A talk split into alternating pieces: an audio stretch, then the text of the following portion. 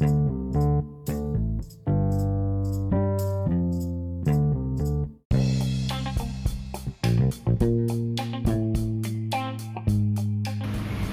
podcast Budgetisme bareng sama Revan Aditya kembali mengudara cuy. Hari ini kita bakal collab sama Gazel. Ngomongin tentang clothing line. Kalau kemarin udah ngomongin tentang bisnis laundry sepatu, ya kan? Sekarang kita Dan bisnis lifestyle. dan lifestyle. Dan sekarang kita ngomongin tentang perjuangan brand lokal clothing line. Dan udah sama gua nih, ada Dimas yang akan balas dendam. ngomongin tentang perjuangan dan balas dendam ngebangun atau ngerintis brandnya sendiri cuy makanya penasaran kan kayak gimana langsungnya kita bacotin aja biar Dimas ngebacotin ngomong aja. Udah bacot terus. Halo, Bacoters. Kenalin gua Dimas dari Gazal. perjuangan lu gimana pas pertama awal merintis Gazel pastinya orang kan eh, penasaran kan. Mungkin di luar sana udah ada yang pakai brand lu kan. Tapi nggak pernah tahu cuy sejarahnya lu. Mungkin lu bisa share atau dimulai dari modal berapa atau perjuangan lu gimana sih untuk merintis brand sendiri ini? Oke, kalau misalkan awalnya Gazal sih terbentuknya sekitaran tahun berapa ya? Nggak tahu, 2013 terakhir. Oke. Du- 2013 Iya. anjay. Bulan September kalau nggak salah. Itu pas gua masih duduk kelas 3 SMA oke. Gue coba-coba buat kesotayan gue buat bikin brand Anjir. sendiri. Ah karena res- apa ya? Pertama sih bikin brand sendiri karena resah aja. Misalkan apa yang gue pengen nggak ada di orang lain? nggak ada yang jual gitu. Oh, oke. Ya udah pertama kan kayak custom custom sendiri kenapa kenapa nggak bikin brand sendiri gitu. Hmm. akhirnya gue coba bikin brand sendiri dengan modal seadanya gitu gue langsung bikin produk sekitar berapa dua lusinan gitu modal lu berapa waktu itu tuh pertama berapa ya hampir 3 jutaan lah 3 juta awal Oke, play. Dan sekarang udah berarti dari mulai apa akhir di 2013 ya? ya Sekarang udah 2020. Kira-kira berapa tahun tuh? hampir udah enam tahun 6 tahun. Gokil. Dari modal 3 juta dan akhirnya lu bisa punya toko sendiri ya. ya alhamdulillah Alhamdulillah ya. Sama lu punya pasti ada di marketplace marketplace ya. ya Dan lu konsepnya Gazel ini gimana sih? Biar orang tahu nih konsep Gazel.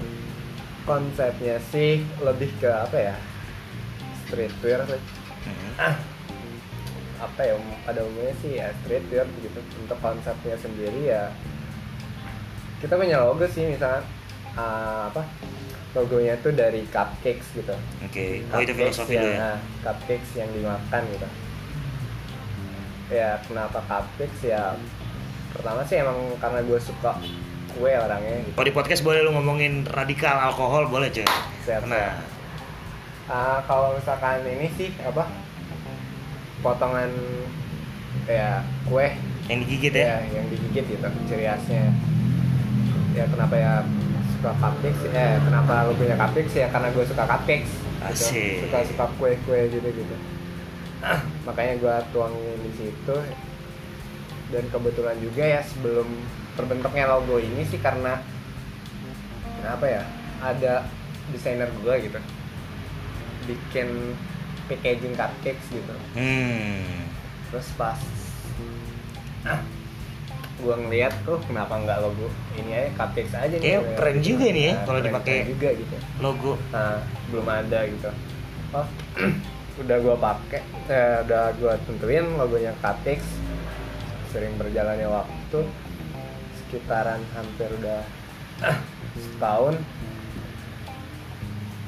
gue bingung hampir mau bingung gue jual gue jual ke mana nih Oke, itu step produknya ya udah punya ya. Iya. Ah, setelah Tinggal- udah ada dikemas udah lumayan baik gitu. Hmm. terus gue bingung mau jual ke mana gitu. Dari teman ke teman udah gitu Hmm. gitu. Kok di situ-situ aja Iya, pastinya ya. iya pastinya.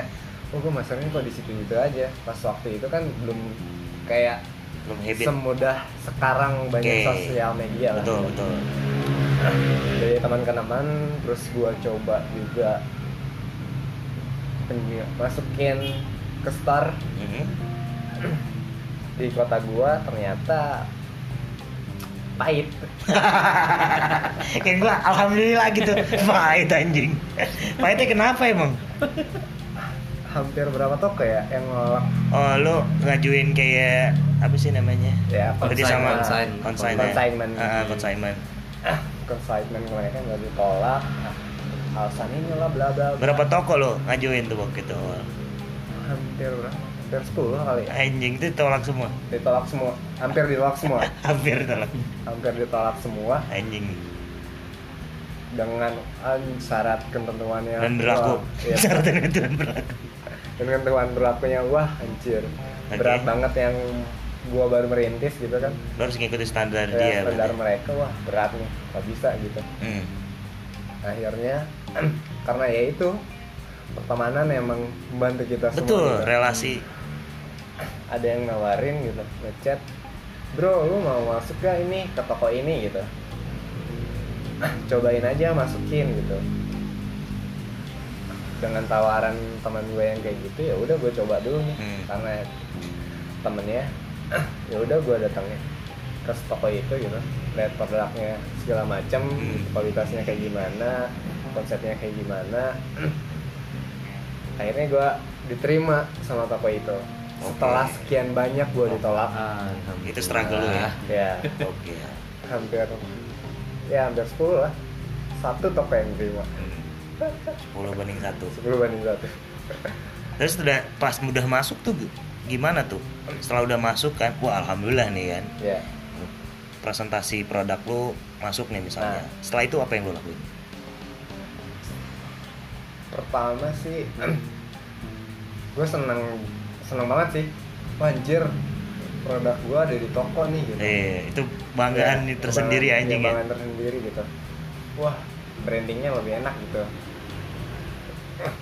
Pas setelah udah masuk toko gue lebih apa nih, lebih semangat aja sih buat motivasi buat gue sendiri Hmm. gitu. Buat ke depannya si Gajel ini lebih baik lah gitu. Karena Gajel itu gue anggap kayak anak sih. Anjing. Kayak apa ya perlu dirawat gitu. Perlu dikasih makan gitu Iya lah. buat apa ya? Kayak tamagotchi. Kayak gitu sih. Eh, ini gua. Apa dari naikin dari wah masuk ke toko nih udah segi kualitasnya harus dinaikin lagi oke gitu. kualitas. Kualitasnya dari sablon bahan segala Hmm. Gua naikin semuanya gitu. Biar jadi standar di toko tersebut juga Hmm. sih gitu akhirnya. Terus udah udah gitu kan udah masuk toko nih Kayak, kan? Lu masih inget gak eh, barang atau pendapatan yang lu dapat pertama kali pas lu masuk di toko? Dan gimana rasanya sih? Ya? lupa sih gue banget di toko pokoknya enggak pokoknya lu dapat duit dari hasil dari hasil itu ya? Rasanya tuh gimana sih? Wah nggak bisa dibayar dengan apa pun nggak bisa dibayar apa pun ya. Karena apa ya? Ini karya yang gue jual gitu. Betul betul. Ini sih yang seru menurut gua. Walaupun bullshit ya karya ngasilin duit hmm. bullshitnya kenapa emang? Sekarang banyak juga misalkan pengen bikin apa sesuatu tapi gratis gitu. Nah itu dia tuh. Paling anjing sih sebenarnya lo pengen bikin desain segala macam tapi pengen gratis gitu. Iya iya iya iya. Wah anjir. Ya kayak gitu makanya gue bilang bullshit tuh kayak gitu sih sebenarnya. Indonesia tuh. nah. Karya apa ya dapat dari situ ya tadi. Dapat dari situ tuh ya rasanya pasti gue bangga Hmm. senang juga gitu. Terus apa ya si uangnya ini kalau gak salah gue kasih ke nyokap deh. Hmm. untuk pertama kalinya. Yes, yes, yes. dia ini loh ah, hasilnya ya. hasil gitu. Kalau nggak salah gue kasih nyokap gitu. Terus bagian gue putar lagi? Ya produksi lagi gitu kan. Ya alhamdulillah sih. Misalkan kalau misalkan dari penghasilan sampai sekarang gitu. Hmm, ada aja gitu. Ada aja ya. Dan signifikannya dimulai pas lu udah naik-naik itu kan awal-awal tuh Ah. merintis ya kan? Pas lu step berikutnya itu tantangannya apa lagi tuh? Ya udah masuk toko lu diterima ya kan? Hmm. step keduanya apalagi menjadi challenge lu tuh? Yang lu rasain pada saat itu? Pengen punya toko sendiri? Pengen toko punya sendiri. Hmm. itu di tahun berapa tuh? Itu hampir Pas- berapa lama sih ada di toko yang diterima yang sampai sekarang juga masih ada. Heeh. setelah dua tahunan ya gua sistemnya dulu masih COD bro COD COD kayak gitu-gitu kan paling online kayak gitu-gitu terus sama di toko itu kali apa penjualannya Hmm. pasarnya nah itu pas gua COD kayak gitu pas dari kehujanan Hmm. sampai kering lagi anjir Iya, dan itu baju misalnya yang lo bawa tuh harus iya Bagus misalnya lah ya. ya. Dari misalnya dari kehujanan gua dari kehujanan baju sampai lepek. lepek gitu sampai kering lagi gua harus nganterin ke sini Paling jauh ke mana lu kok gitu COD? Ingat gak? Untuk ngasih berapa baju tuh? Satu. Enggak, biasanya gua Oh. enggak misalkan s- dikumpulin gitu. Misalkan dikumpulin. seminggu ada berapa nih? Nah, pesanan. Misalkan ada 8 atau 10 gitu. Nah, di hari itu tuh Oh, langsung lo. yang gua COD touring. Nah, touring. touring yang bagaikan kurir. Iya. Paket. Dari ke, ada kehujanan sampai Iya. kering, eh, sampai kering lagi gitu gua ngerasain. Mhm. Terus, wah anjir enak banget ya nih. Teman gue yang udah punya toko gitu.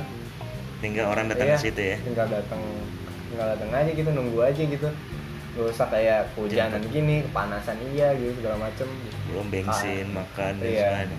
kapan ya gue kayak gitu kayak gue kayak apa ya kayak berdoa ju- juga sih di jalan gitu suka ini Hope lu sendiri ya. kapan ya gue gitu ya enak kali ya gitu Apa rasanya ya? apa, apa rasanya ya oh anjir. tapi setelah punya toko ah anjing gini rasanya gitu Anjing gini gimana maksudnya? ya begitu lah misalnya harus siap-siap mental Oh, gitu. betul betul. Nah, Mentalnya dalam artian gimana nih kalau misalnya punya toko sendiri dan lu bilang tadi kan harus segala ya siap kan kondisi. siapnya ya siap mentalnya ya itu dengan mahalnya bikin bikin toko kayak Oke. gitu biaya biayanya terus gua harus dapat segini gitu jadi tantangan Oh, gua iya. sendiri Buat Pemasukannya dapet- ya. pemasukannya buat segala macam biar terus ada gitu Hmm. nggak sampai kolaps lah gitu nah apa ya tadi apa Pertanyaannya? Tadi kan rasanya udah punya toko nih, Eh. ya kan? Dan akhirnya sekarang kesampaian kan. Eh. Di tahun berapa lu punya toko sendiri tuh? Di sini ya? sini tahun kemarin Tahun kemarin. 2019 2019. bulan Maret Berarti setelah eh, lu mulai akhir 2013, nah berarti kan cuan itu kan ada tuh kan. Ah, Dan akhirnya lu kumpulin. kumpulin Setelah punya toko, pastinya otomatis lu gua harus ngapain lagi nih? ya Setelah itu apa yang lu lakuin? Misalnya tadi kan lu punya konveksi dan sebagainya gitu loh. Hmm. Apa yang lu lakuin lagi tuh buat ngegedein Gazel ini? nambahin reseller reseller Reseller. Ya. Ah, reseller. reseller. Ya. Nah, terus udah gitu. Dan kan alam- ke- kalau gue lihat kemarin sampai apa ekspor ya? Sampai keluar nggak sih? Benar ya nggak sih? ekspor ya Sampai Taiwan. Ke, ke Taiwan. Ah. Itu itu gimana tuh prosesnya? Kayak menarik juga tuh kalau di share gitu. Buat teman-teman di luar sana kan pasti "Ah, anjing ternyata Gazel Ah. nggak di sini doang. Kaosnya ada di Taiwan sama orang luar negeri ibaratnya begitu kan. Itu gimana tuh proses ceritanya tuh? kayak nggak nyangka juga sih Hmm. ada jadi mereka lihat katanya di satu model gua gitu Oke. ngepost dari Fitri Wulandari Oh, iya. Nah, Fitri ngepost mungkin dia lihat di situ ayo naik sempat komen kalau nggak salah katanya Hmm. terus ngubungin ke brandnya langsung ke gua langsung gitu mau order Oke. Di Wah. Taiwan. Orang Taiwan Iya. apa orang Indonesia yang ada di Taiwan? jadi dia tuh orang Indonesia tapi tetap di sana gitu Oke. istrinya orang sana Ah. nah, kayak dagang juga di sana gitu ya? Iya. Oke oke. pertamanya sih beli gitu. Oh, oke. beli beli produk gua berapa ya? Lima piece kalau nggak salah. Pertama tuh. Terus wah anjir pas gua lihat shippingnya ke mana? Taiwan. Wah. Anjing. Anjing. Gak juga kata gua. Dari situ tuh kan belajar wah anjing gimana caranya shipping buat internasional yes. gitu. Gua menarik cuy. gokil kayaknya gua ah, nyiapin apa yang harus gua siapin lah gitu. Betul betul betul. Apaan aja nih yang harus gua persiapin kayak gitu gitu kayak apa ya gak nyangka aja sih gitu. Wah anjir lah sampai ada misalkan orang ternyata sampai sana loh gitu. Hmm. yang tertarik gitu sama brand gue Ya, itu banget banget sih. Kayak gitu. gue pas dengan lu ngomong kayak gitu anjing keren banget ya Iya. kalau misalnya punya sesuatu hal yang ada nggak hanya di sini cuy Iya. orang bisa apa ya ngehargain karya kita nah itu. Pertama langsung pertama dia beli. Aja kayak gitu ternyata pengen jadi reseller gitu loh. Hmm, kerja sama lah ya ternyata ya alhamdulillah itu pencapaian gua. Gokil sih cuy. Yang lumayan. Lumayan gokil. Setelah itu sekarang sampai sekarang masih sama si kor- apa kerja sama gitu apa. Masih kemarin baru kirim juga gitu kan. Taiwan ke Taiwan. Dan pasti otomatis lo harus punya rencana lagi ya ya untuk melebarkan. Melebarkan sayap. Melebarkan sayap sayap patah. Tangan band anjing. Dia nggak patah. tapi keren cuy. Maksud gua ini salah satu pintu ya kan lu buka pintu yang lain itu lancar. Karena lu udah Ya. punya portofolio menurut gua kan. Siap siap ya. Kan? Ya. Dan dan alham dan kerennya lagi satu brand lu pasti udah dikenal. Iya. Ya kan? Untuk sekarang mempertahankan atau lebih ngegokilin Gazal ini apalagi yang formulasi apalagi yang lo pengen bikin Buat. produk yang beda dan belum pernah gua buat sih. Anjir. Udah kepikiran? Udah kepikiran gua pengen terus apa ya berinovasi lah gitu Hmm, hmm. pengen bikin inilah pengen bikin itu lah gitu Hmm. sesuatu yang beda lah gitu. dari sebelum sebelumnya yang udah gue buat gitu. lebih tantangannya lebih ke situ sih Hmm. karena apa ya kayak na- kayak nagih kayak nagih sih gitu wajib was buat apa Iya, gitu ya kayak harus- nyandu ah, ya kayak nyandu up Karena Alkohol. kayak- ya kayak gitu lah gitu. apa lu lirik gua lo pengen lagi pengen bikin karya apa lagi gitu. betul betul betul. Ada lagi nggak yang lu selain konsep bisnis ini apakah lu pengen merambah ke konsep bisnis yang lain? Apakah masih pengen berjuang dulu di sini? Pengen sih suatu tantangan baru nah gitu. itu dia maksud gue tantangan baru. Tantangan lu- baru kayak makanan kayak gitu gitu. Gitu pengen. Cupcake-nya sendiri cuy ya kan? Dan siapa tahu lu seneng cupcake?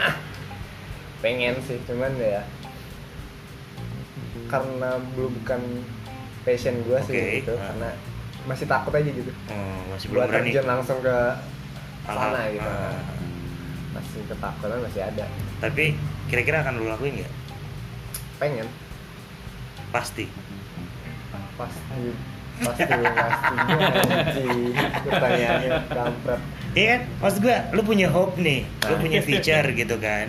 ya Pasti udah udah udah ada konsep lah pasti lah kan. nah, Tinggal ek, berani eksekusi apa kagak kan. ya Maksud gua ketika emang lu udah berani eksekusi, itu kan berarti kan berhasil obrolan kita saat ini gitu loh.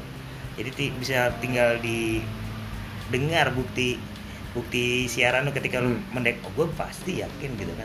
Jadi rantang sendiri kan wah anjing gue nggak boleh fake nih gue nggak boleh omong doang kalau gue tipikal orang seperti itu makanya kenapa kok setiap orang yang selalu gue tanya Nah. ya jujur aja maksudnya jujur aja isi hati lo siapa tahu ini dan ini bisa kejadian dan ini bisa jadi luar biasa juga kan Hmm. buat lu sendiri atau buat Ya. teman-teman yang lain di sana dia punya sesuatu kalau lu, lu udah di barat menurut gue ya udah sukses dong dengan orang tahu brand lu satu dan make aja itu udah seneng pastinya. Nah. Karena di luar di luar Indonesia orang udah eh, ngehargain karya lu pastinya Ah. luar biasa.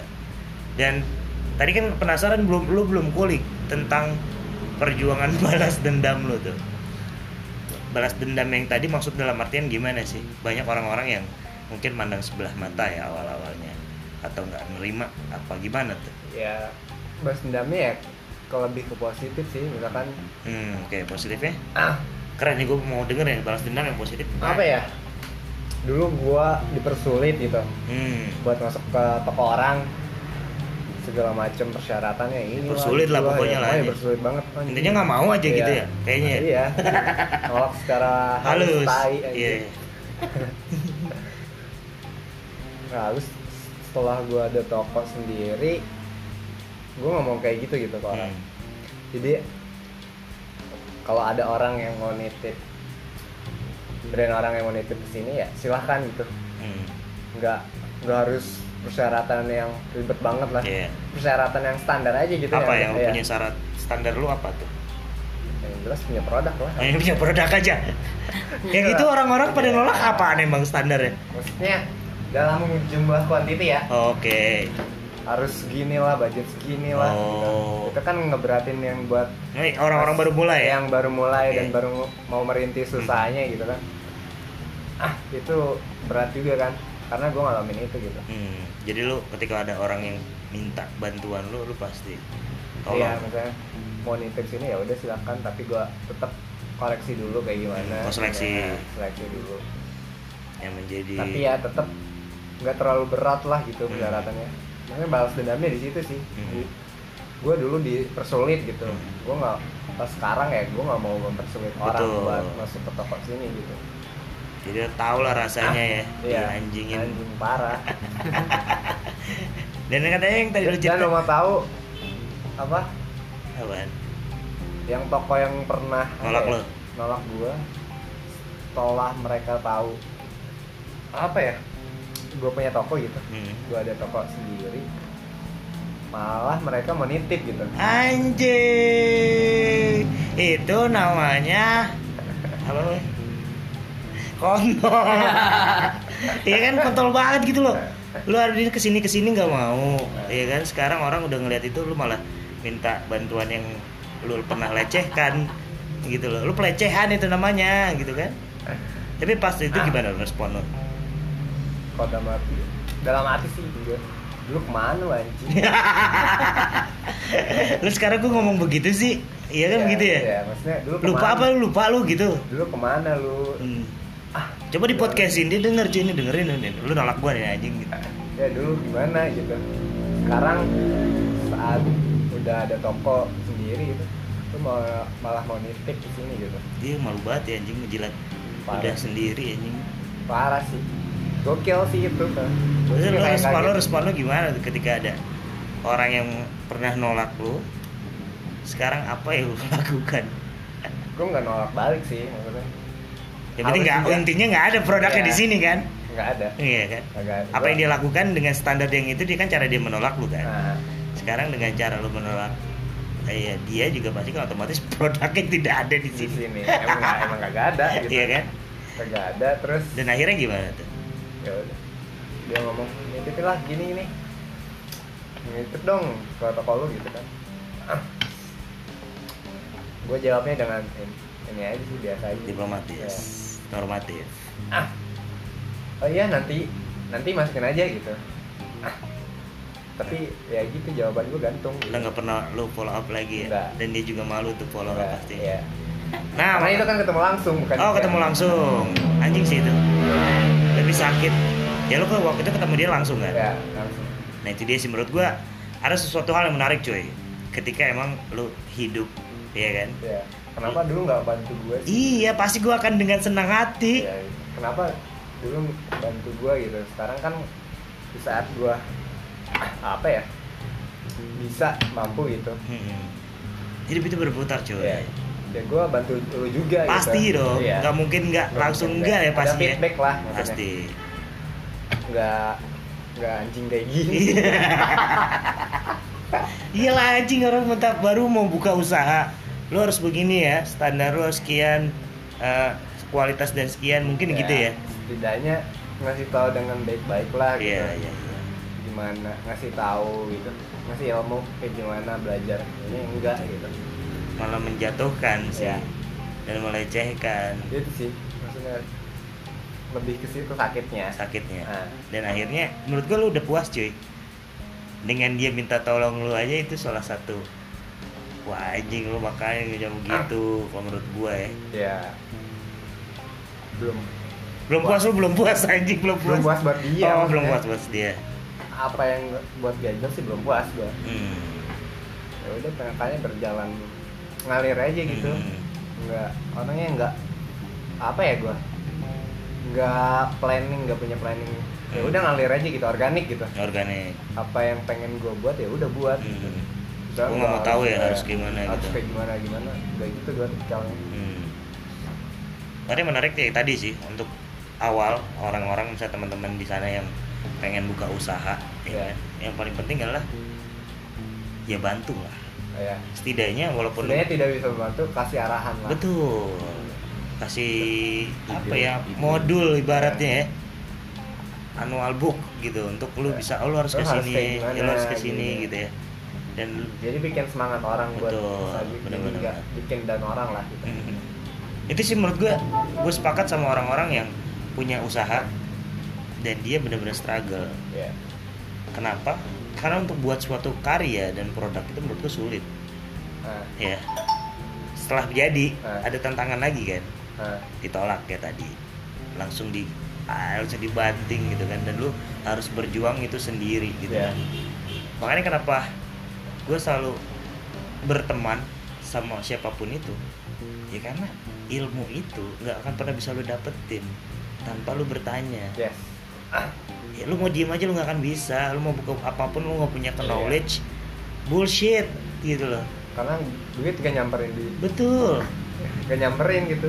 Karena makanya kita harus kalau menurut gue ya kayak apa pun itu kayak misalnya ya lo harus apa ya nggak usah gengsi ketika lo pengen belajar sama orang lain Ya. yang nggak lo tahu, tahu. Betul. saya kayak misalnya gue contoh gue pengen belajar tentang ini gue pasti ketemuin orang itu. Pasti gue oh begitu ya nah, makanya feedbacknya apa ketika gue bisa gue bantu gue pasti bantu ya yang setidaknya gue bisa bantu yang saya gue promosi setidaknya walaupun gue selalu begini sih prinsip gue ketika orang itu bisa gue bantu setidaknya orang tahu Hmm. misalnya nama lu gue tag lu orang Nah. ngeliat nama lu alhamdulillah lo ada yang Nah. setidaknya oh dia Iya. gitu udah Nah. gitu doang gue seneng Nah. sama kayak lu punya baju orang pakai anjing baju gua men gitu loh. Iya. ya kan? Makanya kalau menurut gua ya lu harus lebih ini bisa jadi lu akan lebih tingkat lagi cuy. Tinggal bagaimana lu tetap membumi sih. Yes. ya kan? Karena kan walaupun kita pasti ada hilafnya ya. Ya semua manusia pasti pasti ada hilafnya eh. dan terkadang orang kalau gue ketemu gitu sama orang-orang yang udah benar-benar berhasil pasti ceritanya hampir sama sih nggak ada yang enak. Orang orang berhasil tuh nggak ada lahir dari tempat yang enak-enak dan baik-baik saja gitu loh. Pasti ditempatnya dari apa ya dari kepahitan cuy. Baik dan akhirnya ketika dia kita udah berhasil ya jangan pernah balas kepahitan itu sama orang lain sih. ya makanya itu. Iya. Prinsip gue itu. Dulu gue dipersulit gue gak mau mempersulit Tuh. orang gitu. Makanya kan banyak orang-orang di luar sana ya hanya mampu menjudge tapi tidak mampu untuk membantu. Ya. Dan akhirnya ya menjilat ludah sendiri. Yes. Malu cuy. Makanya. Terus setelah itu kan udah udah udah berhasil sampai saat ini. Ada nggak salah satu apa ya, eh, ilmu yang lu bisa bagi untuk teman-teman yang saat ini lagi bisnis karena lokal brandnya saat ini alhamdulillah cuy lagi naik-naiknya ya. Orang berlomba-lomba gitu. Dan mulai dari kayak lu deh contoh deh kayak misalnya awal mulai dasar lu kita harus ngapain sih? Filosofi yang knowledge yang lu lu lu apa ya lu terapin sama hidup lu saat ini untuk buka usaha anjir. Berat banget ya ngomongan gue ya anjing. Iya. Kameranya teguh aja anjing. Nah, apa ya bikin mau bikin brand gitu maksudnya Iya maksudnya perjuangan yang apa yang harus lu mulai dulu walaupun ketika misalnya percaya diri kah atau lah jalanin aja apa gimana gitu. Apa ya kalau untuk usaha sih ya dari personal dulu sih Hmm, gimana tuh? Nah, personalnya ya udah misalnya harus persiapin mental segala macemnya Hmm. gitu karena usaha beda sama kerja gitu Nah, ngomongin tentang mental, penasaran. Mental yang seperti apa sih yang harus disiapin? ya lu harus kuat gitu misalkan beda Spesifik ya, spesifik. beda halnya sama pekerja gitu kan Mhm. mereka ya udah kerja bolos gak bolos gitu tetap dapat gaji Betul. kalau misalnya usaha kalau malas-malasan ya nggak dapet duit gitu Itu doang. lu rajin ya dapet duit banyak gitu Tinggal kitanya ya. ya makanya persiapin dirinya Dan harus benar-benar fokus iya ya. benar-benar fokus lu emang mau dagang kayak gitu lu mau dagang apa kerja dulu itu sih Pilihan yang harus lo ambil dulu ya. iya Oke. Setelah itu ada lagi nggak? Setelah fokus, oke. oke Pilihan yang harus lo fokus. ya modal Modal. Modal dengan ini ya pastinya konsep usaha lu apa ya? iya apa yang lu mau persiapin gitu Tapi modal dalam artian ya nggak harus modal dari gede langsung. iya ya. perintis lah Perintis ya. Nah, Oke, quotes lu ada lu quotes gak? Kita tutup podcast budget system ini dengan quotes dari Dimas Gazel. Asik. ya ini aja sih Apa tuh? tetap support apa ya produk-produk lokal gitu karena dengan lu beli produk lokal semua apa ya semua orang yang ada di sini gitu bisa bantu lah dengan membeli kehidupan mereka terbantu gitu. Oke. Dan terakhir, lu boleh promosi di podcast budgetisme. Ah, Gazel ada di mana? Produknya, promosinya apa aja? Siapa tahu ada yang denger gitu. Kalau Gajel sih kita offline store-nya ada di Jalan Kiai Haji Abdullah bin Nuh, Lubulak ya, seberang Jam Hotel. Terus kalau Instagramnya follow aja at gazelko terus at gajel underscore store terus sama satu lagi gajel katalog Di marketplace ada di mana? di Shopee Di Shopee. follow juga gazelko Gazelko. Dan promosinya udah masih ada apa untuk saat ini sih belum ada belum ada? promo lagi Jadi lu bisa langsung aja cekin Instagramnya aja setiap Iya. saat ya. nah Oke, thank you banget Dimas Gazel yang udah ngebagi kisah pengalaman balas dendamnya. ya kan? Jadi The Bacoters jadi itu yang bisa kita ambil ya pelajaran ketika lo bisnis clothing line. Pertama, ya lo harus kuat dengan konsep ah, brand lo ya. Yang kedua ya mental. ya Lo mau milih usaha cuman iseng-iseng doang apa difokusin. Ketika memang lo hanya iseng-iseng, ya rezekinya juga iseng-iseng Iseng. ketika emang udah fokus ya insya Allah ada aja gitu Iya. kan pokoknya ketika memang nah yang gue ambil nih ya kesimpulan dari Dimas ngomong tadi ketika memang lu buat sesuatu pasti aja ada orang yang mempersulit ya tinggal tergantung mentalnya kita mau jalan terus apa mau udahan Nah, Oke, mantep banget kan? Makanya dengerin terus, support terus podcast budgetisme dan dengerin terus karena di segmen pengusaha sama bebas ini segmennya pengusaha sama bebas cuy. Jadi bebas-bebas aja kan lu kan Ya. mau ngapain kayak mau tutup gua bakar tokonya kayak suka-suka gua. Pengusaha sama bebas gitu kan. Jadi buat kamu nih teman semua, eh, semana, podcast budgetisme kebiasaan gue nih penyiaran pagi nih anjing anjing. Jadi buat lo semua The Bacoters lo bisa mulai itu semua kalau lo emang benar-benar mau mulai kalau nggak mau ya udahlah. Diem aja gitu tidur aja tidur lah. Tapi lo nggak akan pernah dapetin apa-apa apa pun itu cuy. Kalau lo hanya diem aja. Tinggal lo mau milih lo mau jadi orang kaya atau lo mau jadi orang biasa-biasa aja. Semua ada di lo oke thank you yang udah dengerin podcast budgetisme kita ketemu lagi di podcast budgetisme selanjutnya episode-episode yang pastinya bikin lu dapatlah sedikit ilmu yang lu kembangin sendiri gitu kan. Oke thank you banget Dimas kita ngobrol-ngobrolnya nanti lanjutin lagi ya. Ya. dah. Dadah dong dadah dulu. Dadah. Sobat lu mana Eh,